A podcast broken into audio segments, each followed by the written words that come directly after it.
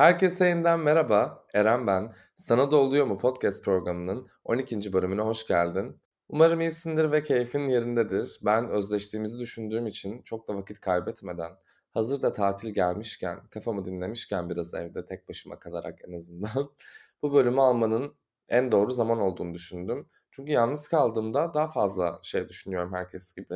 Ama bu çok böyle geçmişe dönüp kendimi yiyip bitirmek gibi değil. Biraz Z raporu gibi. Yani hem hayatımın hem günümün hem ayımın bana ne kattığı, ne götürdüğü, ne yaptığı ve kendimi aslında biraz kolaçan etmek gibi. Bunun için de kendime tabii bir formül buldum. Nasıl yapıyorum bunu? Telefonu açık tutuyorum. Tabii ki acil aramalar olabilir diye ama hiçbir bildirim okumuyorum. Gerçekten bunu yaptığımda kendimi inanılmaz iyi hissediyorum son zamanlarda. 3 gün, 5 gün, 2 gün, 1 saat, 10 saat zaten çok telefonla ilgili bir değilim ama en azından bunu yaptığımda böyle daha kaliteli zaman geçirmiş gibi hissediyorum. O dezenformasyon halinden uzak, bilgi kirliliğinin olmadığı, çok fazla maruz kalman gereken görüntülerin, seslerin dünyasından ziyade kendi dünyana odaklandığın ve kendini bulduğunda bir yandan kendine yakınlaştığın bir yer. Ben o yeri ve o hali çok seviyorum kendimde.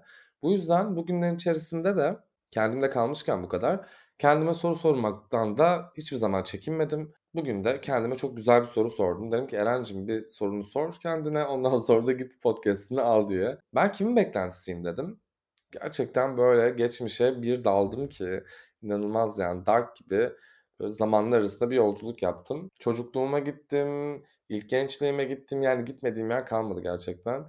O kadar fazla gittim ki muhtemelen seninle ve beni ortaklaştıran o ilkokul sıraları, işte ne bileyim yani okul kantini, carta curta kadar indim şaka gibi. Ama oralara bir gitmem gerekiyordu. Çünkü konu beklentiydi. Ve beklenti konusu ilk kendime yönelttiğimde bu soruyu dedim ki Eren buraya gitmen gerekiyor zaten. Hem çocukluğuna hem aileye gitmen gerekiyor. Ondan sonrasında biraz kişiliğin şekillendikçe iş hayatına gitmeye gerekiyor. E ondan sonra ilişkilere gitmek gerekiyor. Beklenti hayatın içerisinde yaşayan bir kelime çünkü. Herkes herkesten çok fazla bir şey bekliyor. Öyle bir kelime ki ne kadar çok dinlendiriyorsak artık her şeyden bir beklenti haline giriyoruz ister istemez ve bunu umut etmekle kimi zaman karıştırıyoruz ve kendimize çeşitli çeşitli benim de çok bazen kendime yaptığım stres diyeyim yani onun adına saçma sapan böyle bir anksiyetik hale giriyoruz ve ondan keyif alamadığımız için de ne oluyor günün sonunda? Depresif haller, daha melankolinin ağır bastığı duygu durumları gibi gibi. Bu yüzden belki bazen beklentiden özgürleştiğinde ki bu çok kolay bir şey değil. Beklentiden zaten özgürleşmek öyle hani sanıldığı gibi Aa ben bugün işte hiçbir şeyden beklentisiz olacağım gibi bir şey değil ya bu. Günün sonunda hepimiz bir hayat yaşıyoruz ve iş, aile, arkadaşlık her neyse onların içerisinde zaten çok fazla beklenti var ve tabii ki yaşayan bir kelime. E, bu yüzden de bu yaşayan kelimenin biraz inine inmek gerekiyordu. E o yüzden de nereye gittim ben? Çocukluğuma gittim, okul sıralarına gittim, aileme gittim. E çünkü ilk başta orada beklediler benden. E senden de öyle muhtemelen. Yani o okul sıralarında hatırlıyorum daha başarılı olma. Ya tabii ki bu şu anda da var bu arada ama yani takdir belgeleri, teşekkür belgeleri, ailenin senden sürekli beşleri beklemesi, işte komşunun oğlu 4 getirmiş sende 5 mi var? Atıyorum yani şu an bu arada aklıma gelen her şeyi. Ama orada bir beklenti hali var, bir kıyas var, bir yarış var. E, hepimiz zaten bu yarışın içindeydik. İşte o OKS'ler, SBS'ler, YGS'ler, cartlar, cutlar. İnanılmaz yani hayatımda gerçekten dönmek istemeyeceğim tek yer muhtemelen o okul sıraları olurdu. Hem kaotik hem de kendini zaten bulmanın daha zor olduğu ve sürekli böyle bir ders çalışma haliyle kendini ne olduğunu bilmeden, ne olacağını bilmeden o sürdürdüğün mücadele haliyle geçiriyorsun ve birilerinin beklentisini yaşamaya başlıyorsun. E çocuksun, belki daha gençsin, küçüksün, aklın ermiyor. E ne oluyor? Birilerinin hayatını şekillendirmekle meşgul oluyorsun. O şekillendirdiğin kişiler de ailen oluyor genelde. Ailelerimizi çok sevebiliriz, çok sahiplenebiliriz, kimimiz sevmeyebilir. O konulara girmiyorum. Aile bölümü zaten daha uzun bir bölüm bence. Ama ailenin bir çocuktan tabii ki beklentisi oluyor. Yani en azından şu beklenti oluyor. Bence şunu kabul edelim yani. Burada anneler babalar da dinliyordur belki ama başarılı olsun, iyi bir üniversiteye gitsin. Benim istediğim bölümü okusun. İşte biraz da benim bu huyumu alsın gibi gibi. Biraz egosantrik yerler tabii ki var ebeveynlikte. Bence en azından öyle. Ya, orada bir bana benzesin durumunda bile var o benim narsizm ya. Enteresan bir yer orası. Anlayamıyorum pek ama var yani. E, tabii ki bunun da bir beklentisi var. E, çocuğum tıp okusun atıyorum ama çocuğun belki de güzel sanatlar yeteneği var. Onu görmek yerine diyorsun ki ama ben bunu istiyorum. E, bu çocuğu da ben doğurdum ya da, işte, ben büyüttüm bir şekilde, ben baktım. E, benim istediğim bölümü okusun. E, ne oluyor günün sonunda? İstenilen bölümler okunuyor. Belki hepimiz okuduk. Belki bölüm değiştirdik. Belki çift ana dal, yan dal yaptık ama bir şekilde kendi bölümümüze gitmek istedik ya ve onu yapmadık ya ya da yaptığımızda her sabah mutsuz insanlar görüyoruz ya biz şu anda. İşte, böyle, başı yerde, e, hâliyle bu arada muhtemelen yapmak istemiyor mesleği ve para kazanmak zorunda, gitmek zorunda, öyle gidiyor. Aslında orada yürüyen o insan değil. Annesinin beklentisi yürüyor orada. Babasının beklentisi yürüyor orada. Ve o yürüyen kişi gerçekten kendi istediği için değil, kendi seçtiği için değil, birini mutlu etmek ya da birinin onun başarısıyla gururlanması, gözyaşı dökmesi istediği için muhtemelen sabahın 5'inde kalkıp bunu yapıyor ve bu çok ağır bir durum ne yazık ki. Evet, günün sonunda belki annenin babanın beklentisini karşılıyorsun ve mutsuz olduğun bir sektörü seçiyorsun ama kendi hayatından çalıyorsun. Bunu belki ben de çaldım bir dönem. Belki sen şu an çalıyorsun ya da çalan bir arkadaşın var. Benim hikâyem şöyleydi okul zamanlarımda. Ben genelde hep aşırı takık bir çocuktum. O çok ayrı. Bence o benim kendi ruhsal problemimdir yani bir yerde. Çünkü karnemde bir tane 4 olduğumda ağlamış bir insanım ben. Yani anneme okula aratmış bir çocuğum. O yüzden oraya çok girmiyorum. Onu kendi mental sağlığıma bırakıyorum. Ama üniversite döneminde de o kadar gitmek istiyordum ki üniversiteye ve herkes o kadar kazanıyordu ki enteresan bir şekilde benim dönemimde herkes bir şekilde özel üniversite carta curta giriyordu. E ben de girdim bir şekilde ama devlet üniversitesi istiyordum. Okumak istediğim bölüm de reklamcılıktı bu arada. Puanım da böyle 20 puanla işte 30 puanla kaçırdığım İzmir gibi yerler vardı. Ben sırf üniversiteye gidebilmek için hani o ailemdeki belki mutluluğu görmek için ki şu an kendime dürüst oluyorum. Benimle hiç alakası olmayan bir bölüm tercih ettim ve o işletmeydi. Şaka gibi. Ben matematik yapmayı bilmiyordum. Geometri dersinden nefret ediyordum falan ve ben bayağı böyle hesap makinelerinin falan girildiği sınavlara nasıl ya hesap makinesiyle falan mı giriliyor diye bakan ve bunu şaşıran bir biriydim, bir gençtim yani üniversite zamanında. Zaten bir iki sene tahammül edebildim bu arada. Daha doğrusu evet 4 dönem tahammül ettim muhtemelen. Ve sonra ne oldu? Ben yine o reklamcılığı istediğim için geldim bir ajansa staja başladım.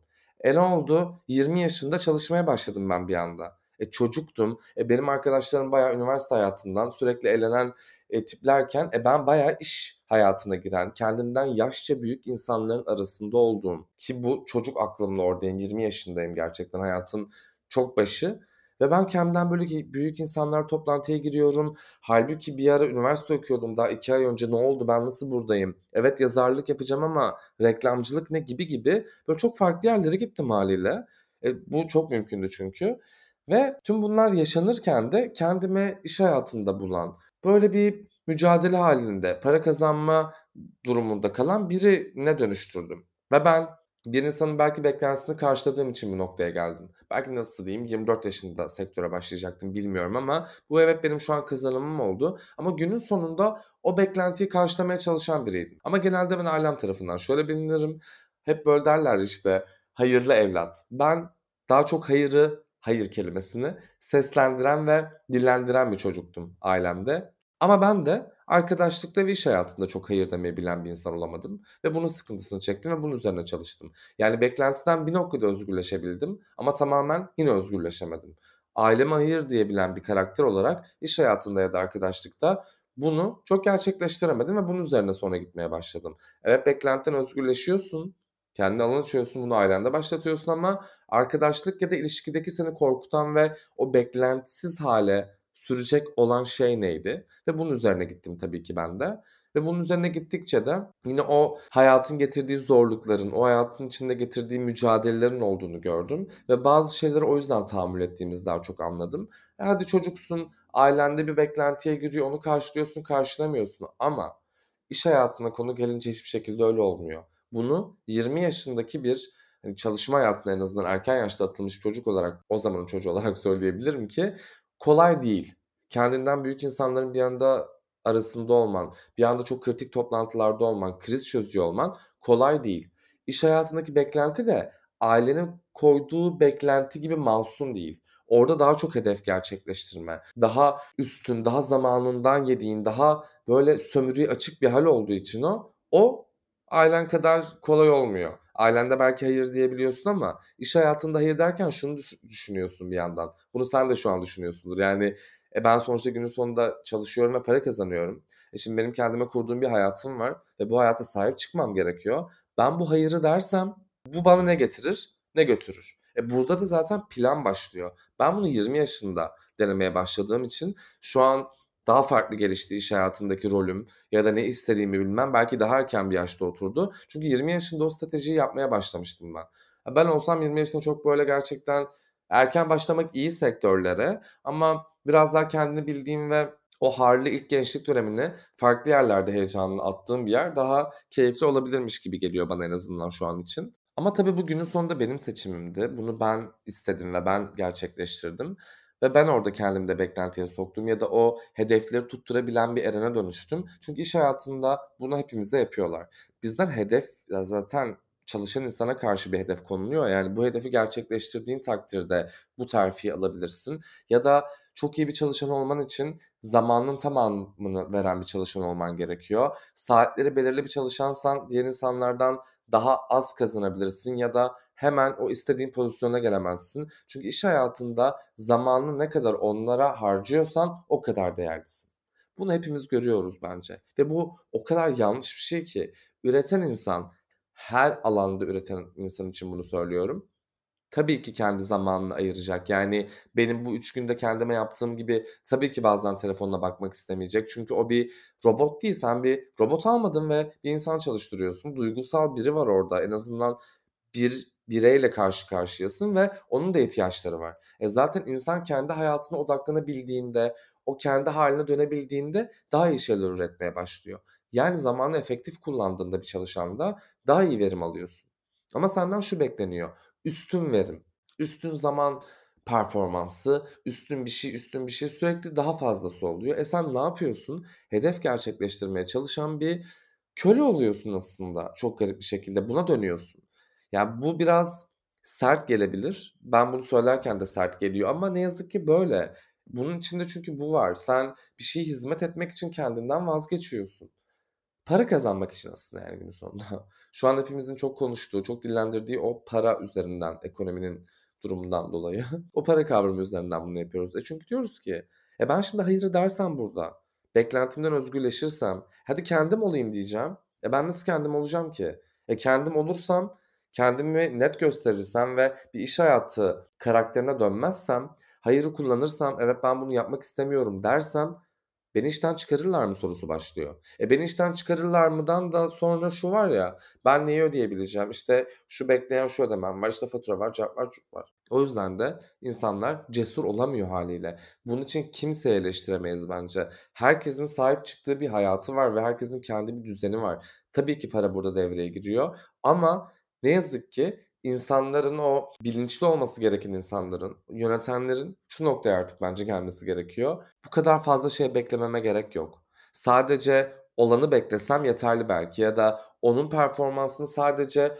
belli bir hedef üzerinden değerlendirmeyip o performansı olduğu gibi kabul etsem belki daha farklı bir çözüm yolu olabilir. Belki de hepimizin zaten bir noktadan sonra buraya gelmesi gerekecek bence. Hep diyoruz ya değişen dünya düzeni, yeni dünya düzeni. Bence yeni dünya düzeni zaten bu. İnsanların kendilerini tanıması.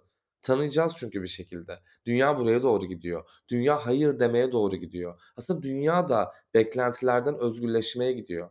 Ne olacak? Buna uyum sağlayamayan insanlar şu an söylediğimiz gibi açıkçası hep diyorlar Z kuşağı boomer diyor boomer diyor. Evet diyorlar. E çünkü e boomerlar da yavaş yavaş dünya düzeni değiştikçe, bunu ayak uyduramadıkça onlar düşmeye başlayacaklar bu sistemin içerisinde.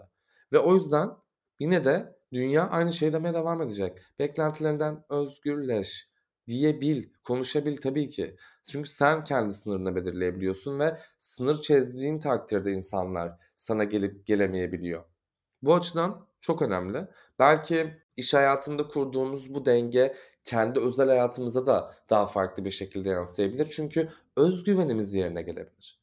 Biz işlerimizde mutsuz oldukça, daha fazla beklentiler için çalıştıkça, beklentileri karşılamaya çalıştıkça kendimizi unuttuğumuz gibi sevdiklerimizi de unutuyoruz. Ya ben şunu biliyorum, arkadaşlarımdan da çok duydum. Sevgilime vakit ayıramıyorum, eşime vakit ayıramıyorum. İşte bu yüzden çok fazla boşanmalar olduğunu duyuyorsun. Bu o kadar garip ki. Ben para kazanmayı neden istiyorum? Eşimle, dostumla, kendimle, kendi hayatımı gerçekleştirmek için istiyorum. Severek, eğlenerek, gülerek, belki kendimi iyi hissedecek bir kıyafet alarak. Bunu harcayarak aslında. Paranın amacı bu ya zaten, harcanması. Ama şöyle bir şey oluyor günün sonunda. Sen çok çalışıyorsun, çok zamandan veriyorsun. E sevgiline de vakit ayıramıyorsun. E sosyal bir hayatın da kalmıyor. O para birikiyor ya. Sen o parayı bir gün hep yiyeceğini düşünüyorsun mesela. İyi de bugün yiyemedin ki. Yarının ne olacağı ne belli. yani şu an böyle boynumda carpe diem dövmesi çıktı üzülerek ama böyle bir şey yani. O o halde ya. Ya çünkü sen bugün yiyemiyorsan yarın yiyebileceğin ne malum gibi. O yüzden ne oluyor işte hep böyle birikim hesapları daha fazla çıkıyor. Bankalar bunun reklamını daha fazla yapıyor. Çünkü insanların bunu yiyemediklerini görüyor. E çalışan köleler zaten tabii ki yiyecek vakit bulamıyor. Beklentiyi karşılarken sevgilisini görmüyor ki. Kendini görmüyor ki ya da kendine vakit ayıramıyor ki gitsin bir şeyler gitsin mesela bir şey ısmarlasın kendine. E biz bunu yapıyoruz ya zaten günün sonunda. O yüzden işte yok birikim hesabı yok, cart hesabı yok, curt hesabı. Yani tabii ki biriktirelim. Bu arada ben ekonomist değilim de yani ama bugün yiyemiyorsam yarın yiyebileceğimin garantisi yoksa ben bugün onu daha efektif bir şekilde kullanmayı tercih ederim. En azından kendim için. E ne dedik? İlişki dedik, vakit ayıramamak dedik. E beni o beklenti hali hayattan da soyutladı. Sevgilime de vakit ayıramadım. E sevgi nerede o zaman? Sevgili nerede? Aile nerede? Eş nerede? Dost nerede? Ben kim için bunu yaşıyorum ve kim için bunu yapıyorum oluyor. Ve tabii ki ilişkilerde de mutsuzluklar baş gösteriyor. Sadece bu sebeplerden değil tabii ki. Bence biz insanlara çok fazla anlam yükleyerek de beklenti haline giriyoruz. E günün sonunda evet bu sebepler bir ilişkiyi bitirebilecek sebepler olabiliyor ama biz tanıştığımız insanlara da bence çok fazla büyük anlamlar yüklediğimiz için de çok böyle daha dramatik, daha o toksik şeyler meydana çıkıyor diye düşünüyorum. Çünkü biz insanın potansiyelini olduğu gibi kabul etmeyi çok sevmiyoruz bence. E biz diyorum, bunu genelliyorum. Belki sen böyle düşünmüyorsundur ama böyle bir aradığımız bir karakter varmış gibi sanki ilişkilerde. Böyle o kişi, o insan ve biz tüm o istediğimiz özelliklerin yani o beklentilerimizin bir insanda mümkün olabileceğini düşünüyoruz. O insanın falsosu çıktığında ya da bizim beklentimizden daha aşağı bir hareket yaptığında da o insana hemen biletini veriyoruz. Biletini kesiyoruz daha doğrusu gönderiyoruz. Bu da bir seçenek bence. Ya o insanı aramak da bir seçenek. Ama en azından ben artık şunun farkındayım. Ben yokuş tırmanmak istemiyorum. Çünkü bu çok yokuşlu bir yol. Bir insanı hedef haline getirmek ya da bir insanı sürekli beklentiyle yaklaşmak çok yorucu. O benim beklentim olamayacak muhtemelen. Ben ailemin beklentisi olamamışım. Ben işin beklentisi olamamışım. Ben bir insanın beklentisi nasıl olabilirim ki? Ben daha çok bu beklentiler havuzundan sıyrılmak için bir ilişki yaparım günün sonunda. Çünkü dinlenmek isterim. E hayatın içinde bir bin ton şey anlattım şu an. Aile dedim, okul dedim, ilişki dedim, iş hayatı dedim. E, bu ilişkinin içerisinde de en azından biraz dinlenebileyim değil mi? E, burada da bir yokuş tırmanmayayım yani. Burada da biraz artık böyle kendimiz olalım, bir ilişki yaşayalım istersin. Burada da bir beklenti halinde olmayayım istersin. En azından ben genelde böyle ilerliyorum. İlişkilerdeki o yokuş halini ancak bu çıkarabiliyor çünkü. Bir insanla tanıştığımda o insan odur ya günün sonunda. Ben sürekli onu yontmaya çalışamam ki. Heykeltıraşta değilim bu arada. E ben ne kadar yontabileceğim ki onu? Her gün bunun mesaisini vereceğim bir de mesela düşünsene. 9 saat çalışıyorsun, 10 saat çalışıyorsun bir de geliyorsun eve bir insanı yontuyorsun falan. Ya bence o insanı ya bırakacaksın ya da kendin gibi, kendi beklentin gibi olmasını istemeyeceksin. Olduğu gibi kabul edeceksin. Ha, belki olduğu gibi kabul ettiğinde sana da tatlı gelebilir. Öyle bir yol da var. Ve en azından artık insanların üstlerlerine böyle sorumluluk atmıyorum gerçekten. Ondan da fazlasını beklemiyorum. Ona da yazık ya düşününce. O da çalışıyor bir şey yapıyor. Ya insanlara da artık bunu yapmamalıyız. Ya bunları böyle hafif gülerek anlatıyorum çünkü artık o, bu konu üzerine o kadar çok fazla düşündüm ve o kadar çok beklenti içerisinde olduğumuzu fark ettim ki şey noktasına geldim işte gerçekten. Yani kolumdaki Carpe Diem gibi komik ve saçma bir hal ama gerçekten e, kalalım yani bence biraz burada. Bir bakalım belki beklentilerimizden özgürleşmeyi denersek en azından bazılarını hani beklentisiz bir noktaya getirebiliriz diye düşünüyorum. O yüzden bugün birçok şeyden konuştum. Aile dedim, arkadaşlık dedim, iş dedim ama gerçekten bunlar hayatımızın tümünü kapsıyor ve bu tümünde bir beklenti var. Umarım birimizin bile çünkü bu beklentileri aşabildiği noktada çok mutlu olacağını hissediyorum. Umarım aşarız o yüzden. Umarım bu özgürleşmeyi hepimiz yaşarız ve böyle daha gülen, daha pozitif, daha böyle beklentisiz, ya akalım ya böyle bir bırakalım kendimiz dediğimiz bir yerde oluruz. Bu enerjide, bu hissi almak istedim çünkü bu bölümü. Beklentileri çok ağır şeyler yüklemeden, beklenti kelimesiyle arama mesafe koymadan, onu da görerek, onu da anlayarak ya tamam ama ben en azından bazı durumlardan artık eskisi kadar beklenti halinde olmuyorum diyerek bir noktaya gelmek istedim.